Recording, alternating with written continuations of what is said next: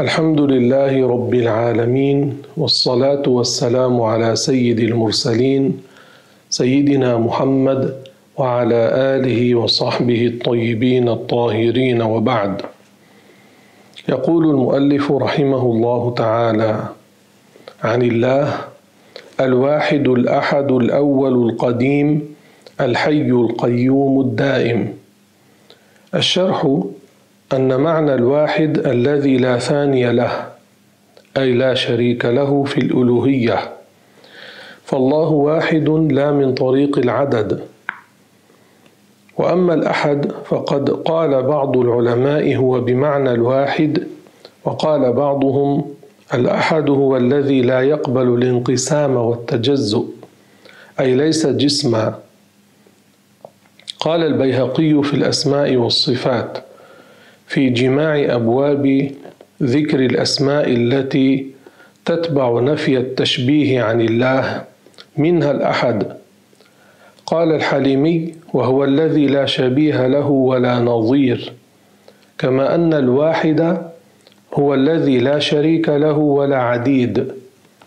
ولهذا سمى الله عز وجل نفسه بهذا الاسم لما وصف نفسه بأنه لم يلد ولم يولد ولم يكن له كفوا أحد.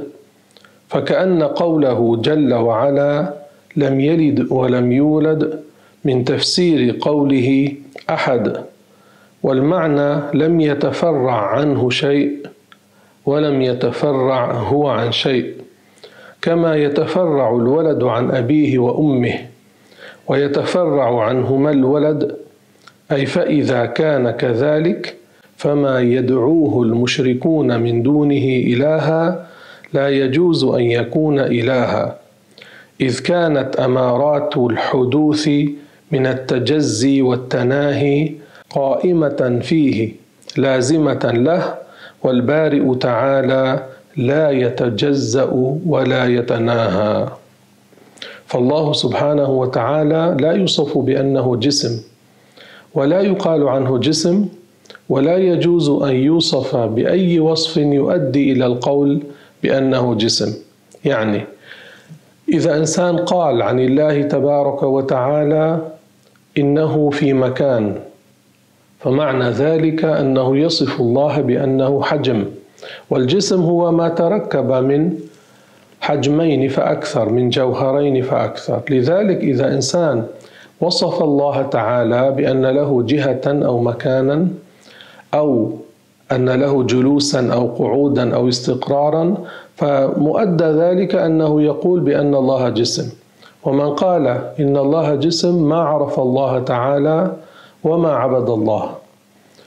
نقل المحدث بدر الدين الزركشي في كتابه تشنيف المسامع عن صاحب الخصال من الحنابلة أن الإمام أحمد رضي الله عنه قال من قال الله جسم لا كالأجسام كفر. يعني الذي يقول عن الله جسم لو قال لا, لا كالأجسام كفر أي خرج من الإسلام. لأنه لا ينفعه قوله لا كالأجسام. أثبت لله الجسمية وصف الله بما لا يليق به ثم قال لا كالأجسام لا ينفعه ذلك. كالذي يقول والعياذ بالله الله إنسان لا كالإنسان. هل يخلصه ذلك؟ لا. فالجسم ما هو؟ الجسم ما تركب من جوهرين فأكثر. يعني شيء مركب والمركب يحتاج لمن ركبه والمحتاج لغيره لا يكون إلها. وبطريقة أسهل الله سبحانه وتعالى هو خالق الجسم فلا يجوز أن يكون جسما. لأن الخالق مستحيل أن يكون كشيء خلقه ولأن الشيء الذي يشبه شيئا لا يجوز أن يكون خالقا له. هكذا في العقل السليم الذي هو شاهد للشرع. وكان أحد كبار الحنابلة رئيس الحنابلة في بغداد أبو الفضل التميمي وابن رئيسها قال أنكر أحمد على من قال بالجسم. يعني أنكر الإمام أحمد على من قال في حق الله بالجسمية. قال أنكر أحمد على من قال بالجسم.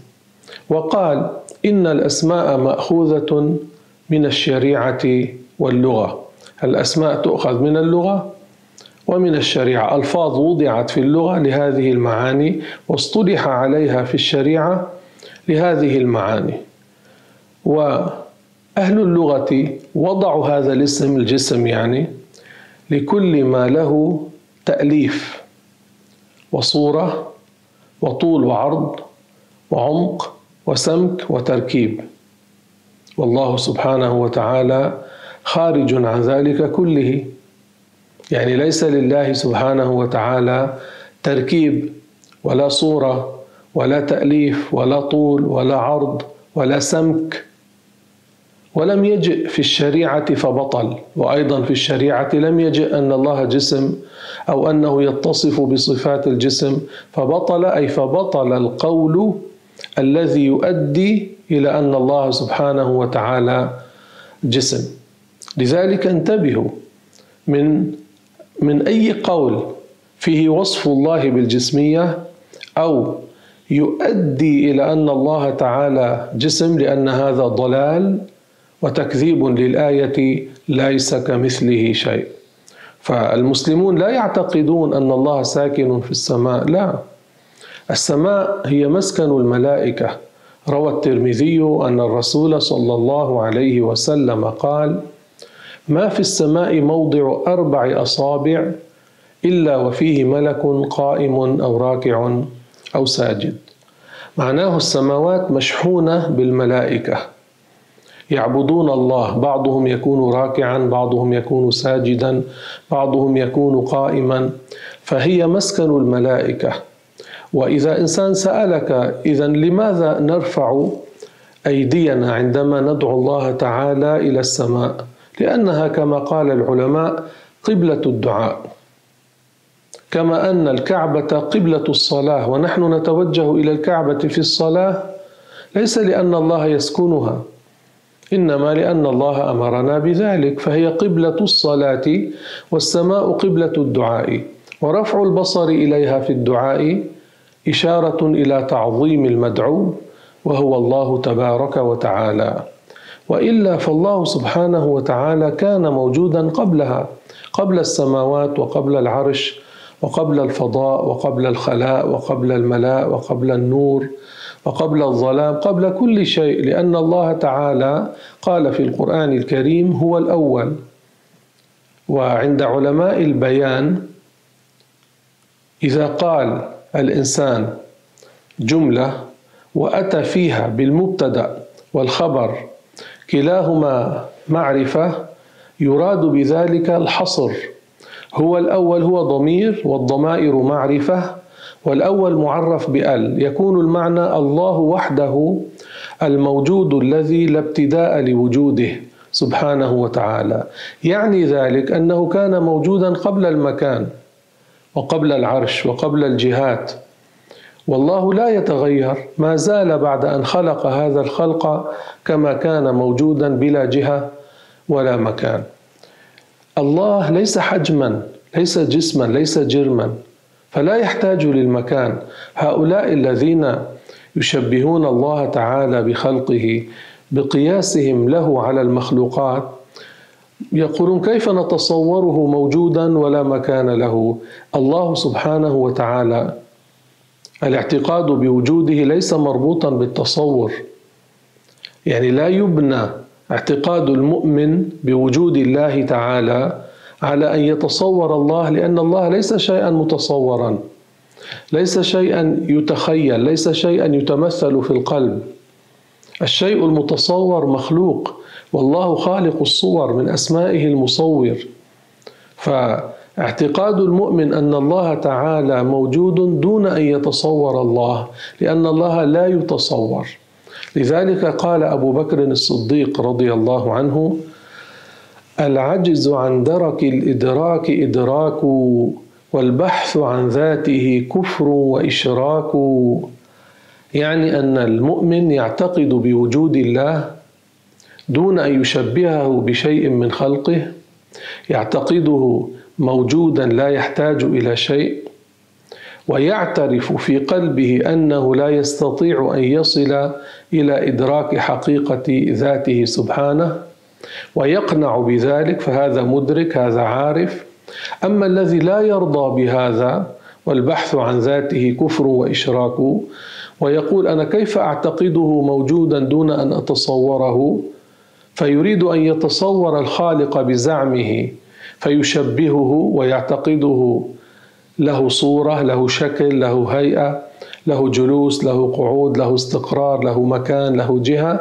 فهذا كما قال أبو بكر الصديق ما عرف الله وكفر وأشرك بالله تعالى. فاذا الله تعالى ليس جسما وأهل الحق يحكمون بالكفر على من يقول إن الله جسم. هذا الإمام الشافعي رضي الله عنه روى عنه القاضي حسين وهو من أكابر فقهاء الشافعية من أصحاب الوجوه كان يسمى الحبر. في كتاب يسمى نجم المهتدي ورجم المعتدي. في كتاب يسمى نجم المهتدي ورجم المعتدي. يقول نقلا عن القاضي حسين إن الشافعي رضي الله عنه قال من قال الله جالس على العرش كافر. وهذا الكتاب موجود فيه هذا الكلام وهو كتاب مخطوط والنسخة موثوقة فالإمام الشافعي كسائر أئمة أهل السنة يحكمون بالكفر على من قال إن الله جسم أو وصف الله بوصف يؤدي إلى القول بأن الله جسم. فانتبهوا لذلك واحذروا هذه العقيدة الفاسدة. كذلك الحافظ السيوطي في كتاب الأشباه والنظائر ينقل عن الإمام الشافعي أنه قال من قال الله جسم فهو كافر. يقول في هذا الكتاب قال الإمام الشافعي المجسم كافر لأن عقيدته فاسدة لأنه ما عرف الله تبارك وتعالى. لأن الجسم يقبل الانقسام عقلا والله ليس جسما قال الإمام أبو الفضل عبد الواحد بن عبد العزيز البغدادي التميمي رئيس الحنابلة ببغداد في كتابه اعتقاد الإمام أحمد وأنكر أحمد على من يقول بالجسم وقال إن الأسماء مأخوذة من الشريعة واللغة وأهل اللغة وضعوا هذا الاسم على ذي طول وعض وسمك وتركيب وصورة وتأليف. والله خارج عن ذلك كله فلم يجز أن يسمى جسما لخروجه عن معنى الجسمية ولم يجئ في الشريعة ذلك فبطل. لأن الجسم يقبل الانقسام عقلا والله ليس جسما والجسم ما له طول وعرض وسمك وتركيب. ومعنى الأول الذي لا ابتداء لوجوده فهو وحده الأول بهذا المعنى وبمعناه القديم إذا أطلق على الله يعني إذا قيل الله قديم فمعناه الموجود الذي لا ابتداء لوجوده بمعنى الأول يعني. قال البيهقي في كتاب الاعتقاد القديم هو الموجود لم يزل فالقديم إذا أطلق على الله فمعناه الأزلي الذي لا بداية له. وقد نقل الزبيدي الإجماع على جواز إطلاق القديم على الله. ذكره في شرح قديم لا أول له في المجلد الثاني من إتحاف السادة المتقين. لأن قدم الله ذاتي وليس زمنيا. الله تعالى خالق الزمن فلا يجري عليه زمن سبحانه وتعالى. وأما معنى الحي إذا وصف الله به فهو أنه موصوف بحياة أزلية أبدية ليست بروح ولحم ودم وعصب ومخ. نحن حياتنا باجتماع الروح بالجسد وكذلك الملك. جسد لطيف هو لكن فيه روح وكذلك الجني. جسده لطيف لكن فيه روح. الله تعالى حياته صفته في الأزل. ليست بروح ودم وجسم وعصب وعظام وشرايين وأوردة ونحو ذلك لأن صفات الله ليست كصفات خلقه. وهذه الأشياء التي ذكرتها من صفات الخلق والله سبحانه وتعالى لا يتصف بصفات الخلق. فإذا قلنا الله لا إله إلا هو الحي الحي معناه موصوف بالحياة الأزلية الأبدية التي ليست بروح ولا دم ولا جسد ولا عصب. أما المخ فهو الودك الذي في العظم وخالص كل شيء مخه وقد يسمى الدماغ مخا. فالرسول صلى الله عليه وسلم حين قال الدعاء مخ العبادة معناه شيء عظيم من الحسنات. وليس معناه أنك إذا دعوت إنسانا يعني قلت يا فلان لو كان غائبا أنك صرت عابدا له لا. الدعاء مخ العبادة معناه الدعاء فيه حسنات. العبادة هنا معناها الحسنات. يعني أنت حين تسأل الله تعالى شيئا حين تدعو رب العالمين فتطلب من الله شيئا. إن كان الله شاء أن يحصل لك ذلك الشيء يحصل. وإن لم يشأ لا تتغير مشيئته. مشيئة الله لا تتغير. فإذا إنسان قال لك فإذا ما الفائدة من الدعاء؟ الدعاء هو العبادة أي حسنات. الدعاء مخ العبادة أي فيه حسنات. فإذا أنت مستفيد من الدعاء. ادعوني أستجب لكم معناه أطيعوني أثبكم الرسول صلى الله عليه وسلم قال وسألت ربي ألا يجعل بأس أمتي بينهم فمنعنيها وقال يا محمد إني إذا قضيت قضاء فإنه لا يرد قضاء الله لا يرد تقدير الله لا يتغير سبحانه وتعالى. بل حياته صفة قديمة قائمة بذاته أي ثابتة له سبحانه وتعالى. ومعنى القيوم الدائم الذي لا يزول. لما نقول الله القيوم معناه الدائم الذي لا يزول وليس معناه قائم فينا كما زعم بعض جهالة المتصوفة قالوا القيوم يعني قائم فينا. الذي هو قائم فينا يكون مخلوقا لأننا مخلوقون. هذا الجسد مخلوق والروح فيه الروح مخلوقة والجسد مخلوق. لا يجوز هذا على الله تبارك وتعالى. فمعنى القيوم المدبر لجميع المخلوقين. وأما الدائم فمعناه الذي لا يلحقه ولا يجوز عليه الفناء. وبمعناه الباقي فالله يستحيل عليه الفناء عقلا. ولا دائم بهذا المعنى إلا الله فلا شريك لله في الديمومية. لأن ديموميته استحقها لذاته. لا شيء غيره أوجب له ذلك. وأما ديمومية غيره كالجنة والنار فهي ليست ذاتية بل هما شاء الله لهما البقاء. أما من حيث ذاتهما فيجوز عليهما عقلا الفناء. لكن ورد في الشرع بقاؤهما بنص القرآن والسنة النبوية وإجماع الأمة. يعني الله سبحانه وتعالى هو متصف بصفات وكل صفاته تدل على الكمال. وهذه الصفات لما نقول قائمة بذات الله معناه ثابتة له سبحانه. فالله سبحانه وتعالى دائم الوجود يعني لا يطرأ عليه فناء لا يطرأ عليه موت لا يطرأ عليه تغير. وديمومية الله استحقها لذاته. أما الجنة والنار ديمومية الجنة والنار فلأن الله شاء لهما البقاء. شاء لهما البقاء. وإلا فبالنظر إلى ذات الجنة وإلى ذات النار لكونهما وجدا بعد أن لم يكونا فهما من الممكنات العقلية. فيجوز عليهما الفناء عقلا بقطع النظر عن خبر الله أنهما باقيتان. أما إن نظرنا إلى أن الله أخبر ببقاء الجنة والنار فنقول مستحيل مستحيل أن تفنى الجنة ومستحيل أن تفنى النار عقلا بالنظر إلى أن الله أخبر أنهما باقيتان.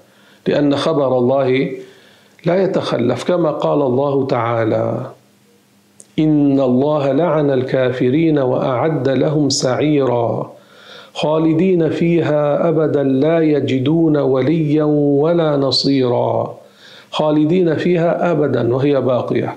كذلك قال عن أهل الجنة خالدين فيها ابدا.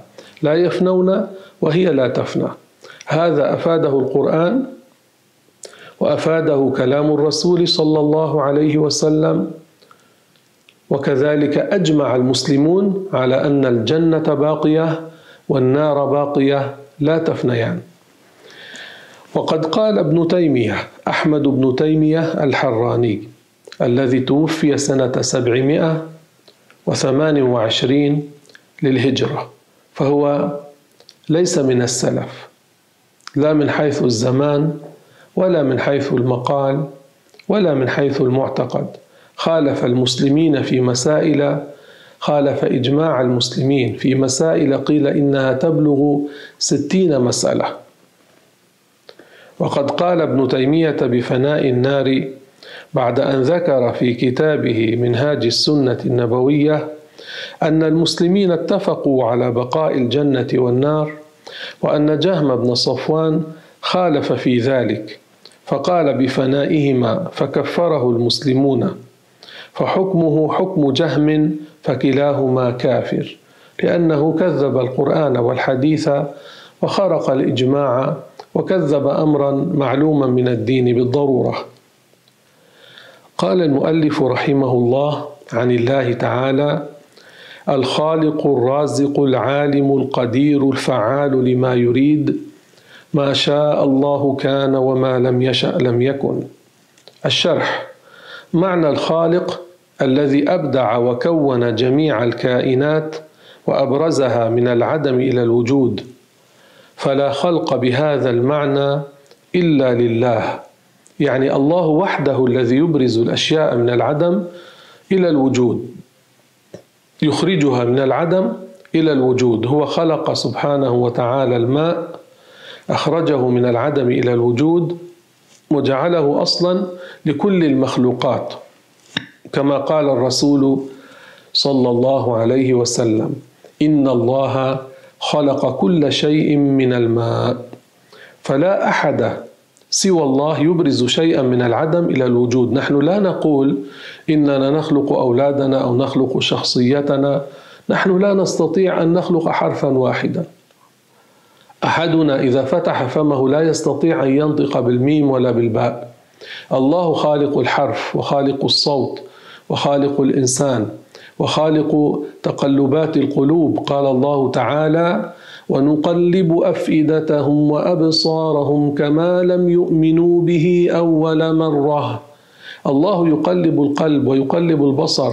أنت إذا نظرت هكذا إلى مكان ثم أغمضت عينك ثم نظرت طرفت هكذا. الله يخلق ذلك. الله يخلق تقلب البصر فيك ويخلق تقلب القلب ويخلق ما هو أظهر من ذلك. فالإنسان الإنسان مخلوق وعمله مخلوق. الله الذي خلقه. وفعل الإنسان مخلوق الله الذي خلقه. نحن لا نقول نحن نخلق أعمالنا لا هذه عقيدة فاسدة. قال الله تعالى والله خلقكم وما تعملون وقال قل الله خالق كل شيء كل شيء يشمل الجسم ويشمل الفعل ويشمل الطاعة ويشمل المعصية ويشمل الكفر ويشمل الإيمان ويشمل الخواطر ويشمل التفكير ويشمل الفرح والحزن الله خالق كل شيء ما في استثناء. لا يوجد استثناء في الآية. فلا خلق بهذا المعنى إلا لله. فما سوى الله تعالى حدث بخلقه تعالى وتكوينه وإبداعه. فالخلق هو الإبراز من العدم إلى الوجود ولا خالق إلا الله. قال الله تعالى قل الله خالق كل شيء والشيء يشمل الأجسام والأعمال. قال الرازي في تفسير الآية ولا شك أن فعل العبد شيء فوجب أن يكون خالقه هو الله. فعل العبد شيء لأنه دخل في الوجود فيسمى شيئا والله خالقه سبحانه وتعالى. وقال والله خلقكم وما تعملون. فالآيتان صريحتان. في أن الله هو خالق الأجسام والأعمال. ومعنى الرازق الذي يوصل الأرزاق إلى عباده. ومعنى العالم المتصف بالعلم فالله موصوف بعلم أزلي أبدي لا يتغير لا يزداد ولا ينقص فهو عالم لا كالعلماء. لأن علم غيره حادث. نحن علمنا حادث علمنا متجدد علمنا يتغير علمنا يزيد وينقص. نحن نعلم بعد جهل. الله صفته العلم. علم أزلي أبدي ليس بحادث ليس بمتطور ليس بمتغير. عالم بكل شيء بعلم واحد أزلي أبدي. لا يطرأ على علمه معلوم جديد. ولا يخفى عليه شيء ولا ينقص علمه ولا يزيد. أنت وأنا ينقص علمنا ويزيد. نعلم بعد أن لم نكن نعلم. ثم ننسى والله لا يجوز عليه النسيان. ونحن علمنا محصور علمنا محصور وعلمنا له بداية وله نهاية. علم الله تعالى ليس محصورا.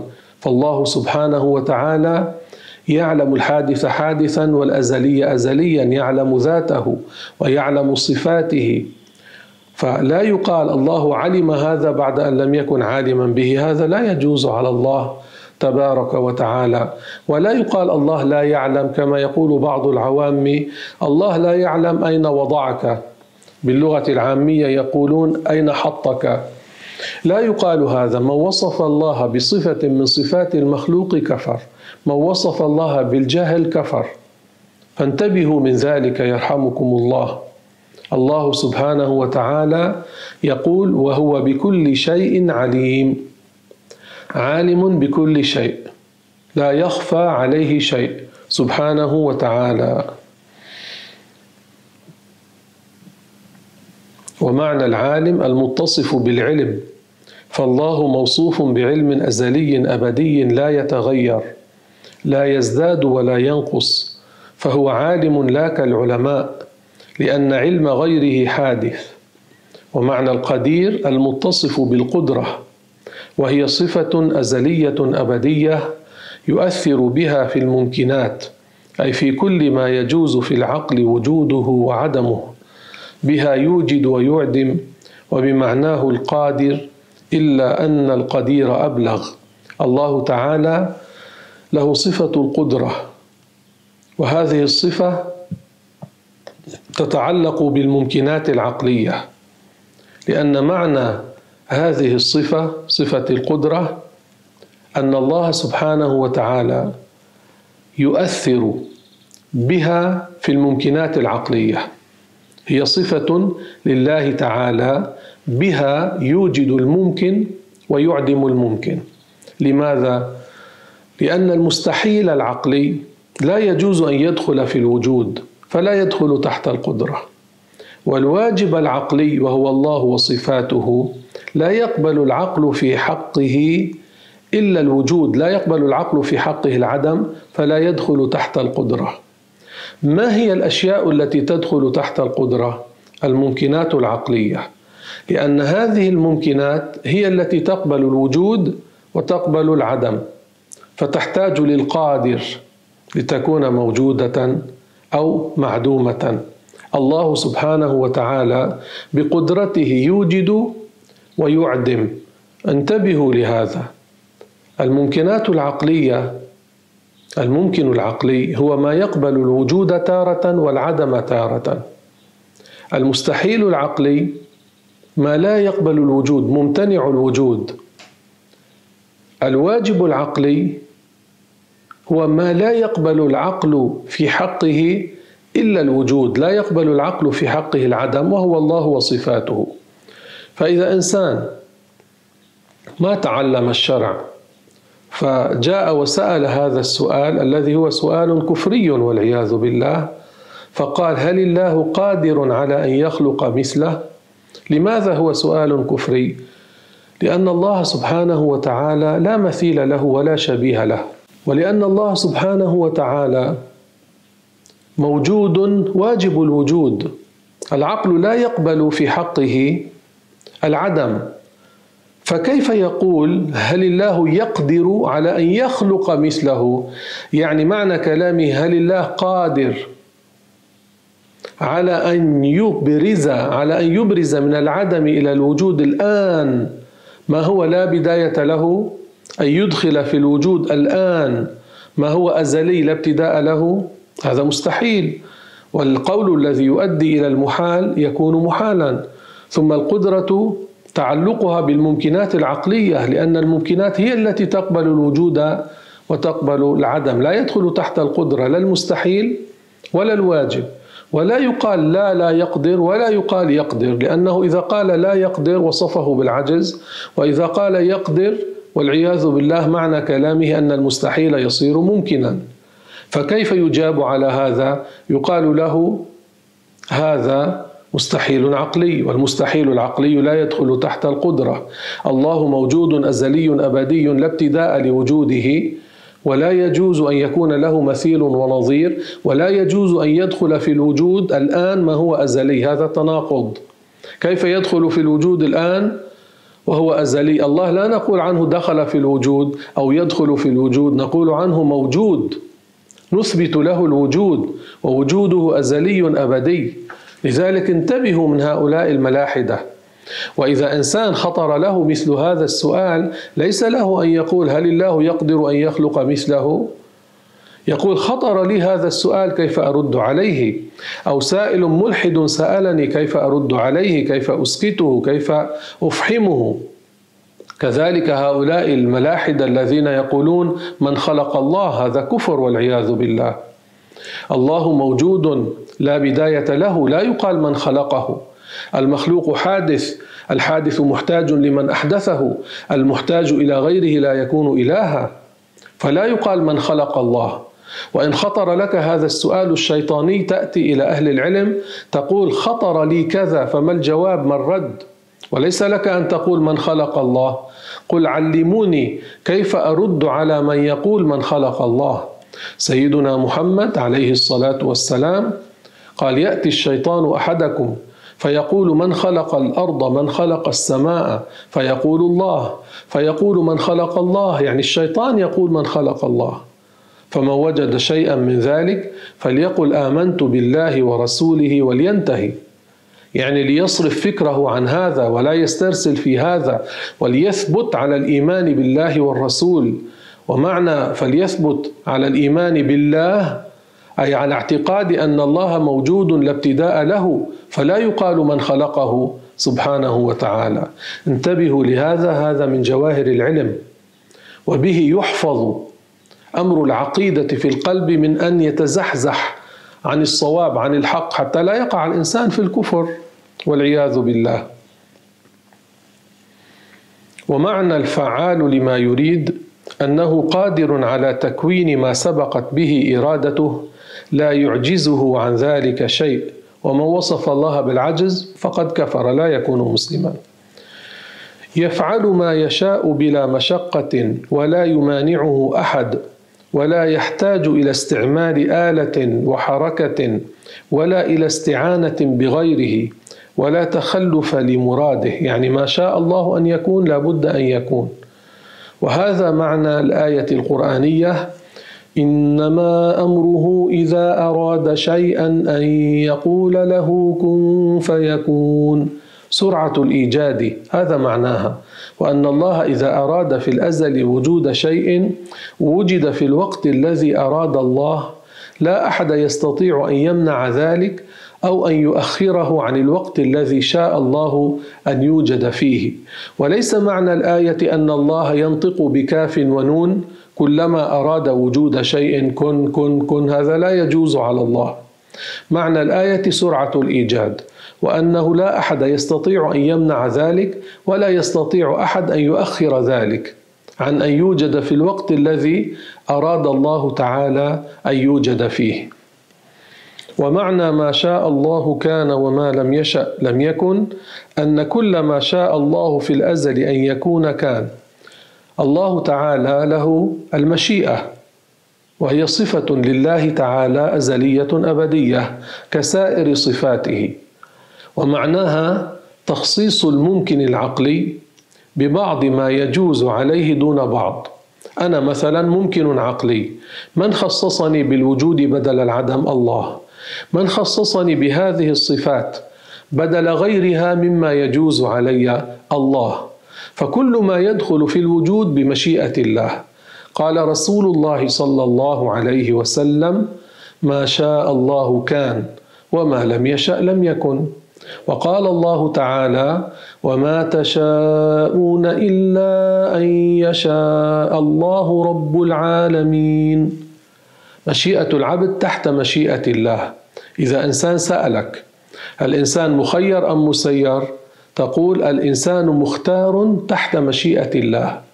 له اختيار لكن تحت مشيئة الله تعالى. ليس مجبورا الإنسان ليس مجبورا أي لا إرادة له. وليس مستقلا عن مشيئة الله لا. الإنسان مختار تحت مشيئة الله تبارك وتعالى. هذه عقيدة المسلمين. عقيدة الرسول عليه الصلاة والسلام وعقيدة كل الأنبياء. وما لم يشأ الله في الأزل أن يكون لا يكون. ولا تتغير مشيئته لأن تغير المشيئة دليل الحدوث. والحدوث مستحيل على الله. أقوى علامات الحدوث التغير. يعني أقوى علامة تدل على أن هذا الشيء مخلوق كونه يتغير. الله لا يتغير وصفاته لا تتغير لا يجوز عليه التغير. فهو على حسب مشيئته الأزلية يغير المخلوقات من غير أن تتغير مشيئته. أما قوله تعالى كل يوم هو في شأن ليس معناه كل يوم يتغير لا. لا إنما المعنى كل يوم يغير في خلقه ما شاء. قال الرسول صلى الله عليه وسلم في تفسير الآية يكشف كربا ويغفر ذنبا ويرفع قوما ويضع آخرين. يعني كل يوم يغير في الخلق يغير في الخلق. أما هو سبحانه وتعالى لا يتغير. لذلك قال العوام كلمة صحيحة قالوا سبحان الذي يغير ولا يتغير. نسأل الله تبارك وتعالى أن يثبتنا على عقيدة أهل الحق أهل السنة والجماعة. اللهم ثبتنا على عقيدة أهل السنة وأحينا عليها يا أرحم الراحمين. وتوفنا على عقيدة أهل السنة يا أكرم الأكرمين. اللهم اغفر لنا ولإخواننا الذين سبقونا بالإيمان ولا تجعل في قلوبنا غلا للذين آمنوا. ربنا آتنا في الدنيا حسنة وفي الآخرة حسنة وقنا عذاب النار. اللهم اجعلنا من عبادك الأبرار. اللهم إنا نسألك حبك وحب من يحبك والعمل الذي يقربنا إلى حبك. اللهم إنا نعوذ بك من النار وما قرب إليها من قول أو عمل. اللهم إنا نسألك الجنة وما قرب إليها من قول أو عمل. اللهم واختم لنا بالصالحات أعمالنا واجعل خير أعمالنا خواتمه يا أرحم الراحمين. وخير أيامنا يوم لقاك. اللهم أكرمنا بجاه سيدنا محمد عليه الصلاة والسلام برؤية وجه سيدنا محمد عليه الصلاة والسلام. يا أرحم الراحمين يا أرحم الراحمين يا أرحم الراحمين. نهلل. لا إله إلا الله. لا إله إلا الله. لا إله إلا الله. اللهم صل على سيدنا محمد وعلى آله وصحبه وسلم. اللهم صل على سيدنا محمد وعلى آله وصحبه وسلم. اللهم صل على سيدنا محمد وعلى آله وصحبه وسلم. رب اغفر للمؤمنين والمؤمنات. رب اغفر للمؤمنين والمؤمنات. رب اغفر للمؤمنين والمؤمنات هنا سؤال لماذا سميت ليلة القدر بذلك؟ ومن ومن الذي يعد قام ليلة القدر؟ سؤالان مهمان ليلة القدر سميت بليلة القدر على معنى أنها ليلة الشرف العظيم القدر الشرف. ليلة القدر ليلة الشرف العظيم. وقال بعض العلماء ليلة القدر أي من كثرة ما تنزل الملائكة في هذه الليلة العظيمة التي هي أفضل الليالي في العام وتكون في ليلة من رمضان تضيق الأرض بالملائكة. لذلك سميت ليلة القدر.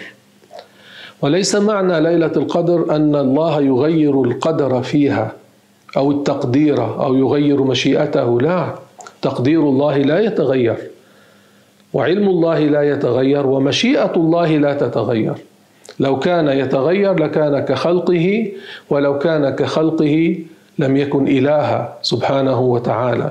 فلا تقول مقالا يؤدي إلى القول بتغير الله أو بتغير مشيئة الله أو علم الله أو تقدير الله. ليلة القدر ليلة الشرف العظيم التي أنزل فيها القرآن من اللوح المحفوظ أنزله جبريل عليه السلام إلى بيت العزة في السماء الدنيا. ثم صار ينزل بالقرآن نجوما أي مفرقا على الرسول صلى الله عليه وسلم على حسب الأوامر. من الذي يعد قام ليلة القدر؟ الذي يقوم الليلة كلها أو معظمها بالصلاة بقراءة القرآن بمذاكرة العلم بالتسبيح بالتهليل بشيء من هذه الأشياء العبادات النافعة. يقال عنه قام ليلة القدر. ليلة القدر خير من ألف شهر. خير من عبادة تزيد على عبادة ثمانين سنة. فإذا إنسان يسر الله تعالى له القيام فلا يقصر في ذلك في كل ليالي رمضان لا سيما في العشر الأواخر لأن الرسول صلى الله عليه وسلم قال التمسوها في العشر الأواخر من رمضان. الله تعالى يرزقنا وإياكم أن نكون قائمين فيها كل سنة نشهد رمضان بالعبادة في هذه الليلة المباركة. يسأل ما حكم من يحلف بقوله وحياة أولادي؟ هذا الحلف ليس مشروعا. هذا الحلف مكروه كما قال الإمام الشافعي رضي الله عنه. قال عن الحلف بغير الله أخشى أن يكون معصية. معناه مكروه كراهة شديدة لكن ليس معصية. كالذي يقول حياتي وشرفي وشرفك وحياة أمي وشرف أمي وشرف أبي كل هذا ليس مشروعا ليس مشكورا. والإمام أحمد رضي الله عنه قال الحلف بغير الله معصية. أما حديث من حلف بغير الله فقد أشرك فليس معناه أن مجرد الحلف بغير الله يكون شركا لا. إنما معناه من حلف بغير الله وهو ينزل المحلوف به كمنزلة الله فقد أشرك يعني إذا إنسان حلف بشيء وهو ينزله منزلة الله فقد أشرك بالله. هذا معنى الحديث من حلف بغير الله فقد أشرك. والدليل على ذلك ما ورد في البخاري أن عمر بن الخطاب رضي الله عنه حلف أمام الرسول بأبيه. فقال رسول الله صلى الله عليه وسلم لا تحلفوا بآبائكم. لأنه يعرف يعلم أن عمر لا ينزل أباه منزلة الله. عمر رضي الله عنه يعلم أن الله سبحانه وتعالى أعظم من كل عظيم وأكبر من كل كبير قدرا. لا يشرك بالله تبارك وتعالى. أين تقف المرأة إذا كانت إمامة في الصلاة في النساء. المرأة إذا أمت بالنساء قال الفقهاء تقف وسط الصف الأول. يعني لا تبرز عن عن النساء. يعلن أن هذه المرأة هي الإمامة حتى آه، يعرف من قبل المصليات أنها الإمامة حتى يقتدين بها فيتبعنها. فتقف وسط الصف الأول. أما الرجل في الصلاة يقف متقدما هكذا. إن كان صف من الرجال يقف الرجل متقدما. أما المرأة فتقف وسط الصف الأول لأن أمر النساء مبني في الشرع على المبالغة في الستر. يسأل هنا لو تشرح لنا ما معنى الله يسمع الله يرى. الله سمعه صفته وبصره صفته في الأزل ليس كسمع وبصر المخلوقين. قال الله تعالى ليس كمثله شيء وهو السميع البصير. قدم التنزيه ليس كمثله شيء وهو السميع البصير. بعد ذلك إثبات السمع والبصر على ما يليق بالله. معناه الله يسمع ويرى ولكن ليس كمثله شيء ليس كسمعنا وليس كبصرنا. نحن نرى تحدث فينا رؤية نبصر يحدث فينا البصر. نسمع يحدث فينا السمع. نحن نسمع بالآلة ونبصر بالآلة. الله يسمع بلا جارحة بلا آلة. يرى بلا جارحة بلا آلة. يرى ببصره الأزلي. يسمع بسمعه الأزلي. يحدث المسموع نحن يحدث فينا سمع.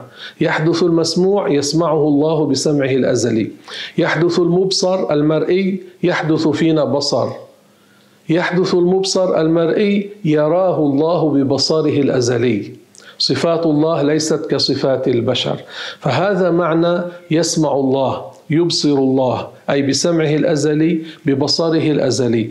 نحن نسمع بسمع حادث نبصر ببصر حادث. أما الله فليس كمثله شيء سبحانه وتعالى. هنا سؤال ماذا من الفضل لمن بكر لصلاة الجمعة.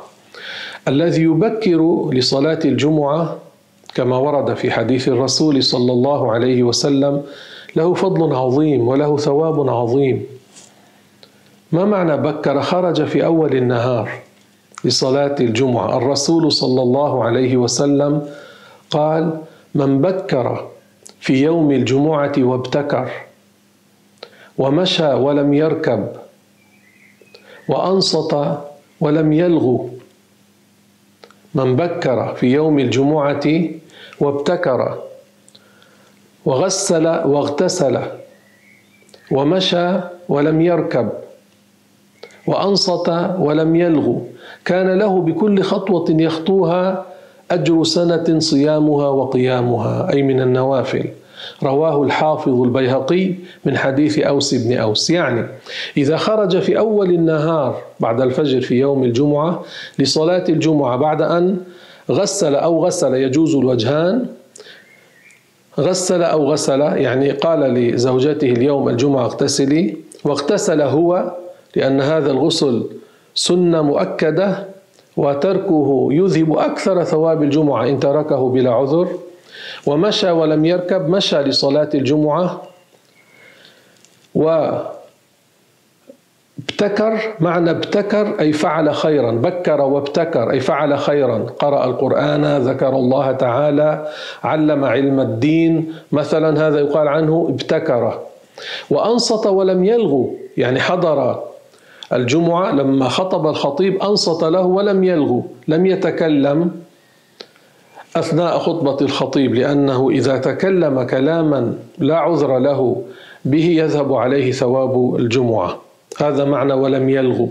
كل خطوة يخطوها له أجر سنة من الصيام والقيام من النوافل. هذا بنص حديث رسول الله صلى الله عليه وسلم. الله تعالى يرزقنا وإياكم ذلك وأن نكون من العاملين بحديث رسول الله صلى الله عليه وسلم. والله تعالى أعلم وأحكم.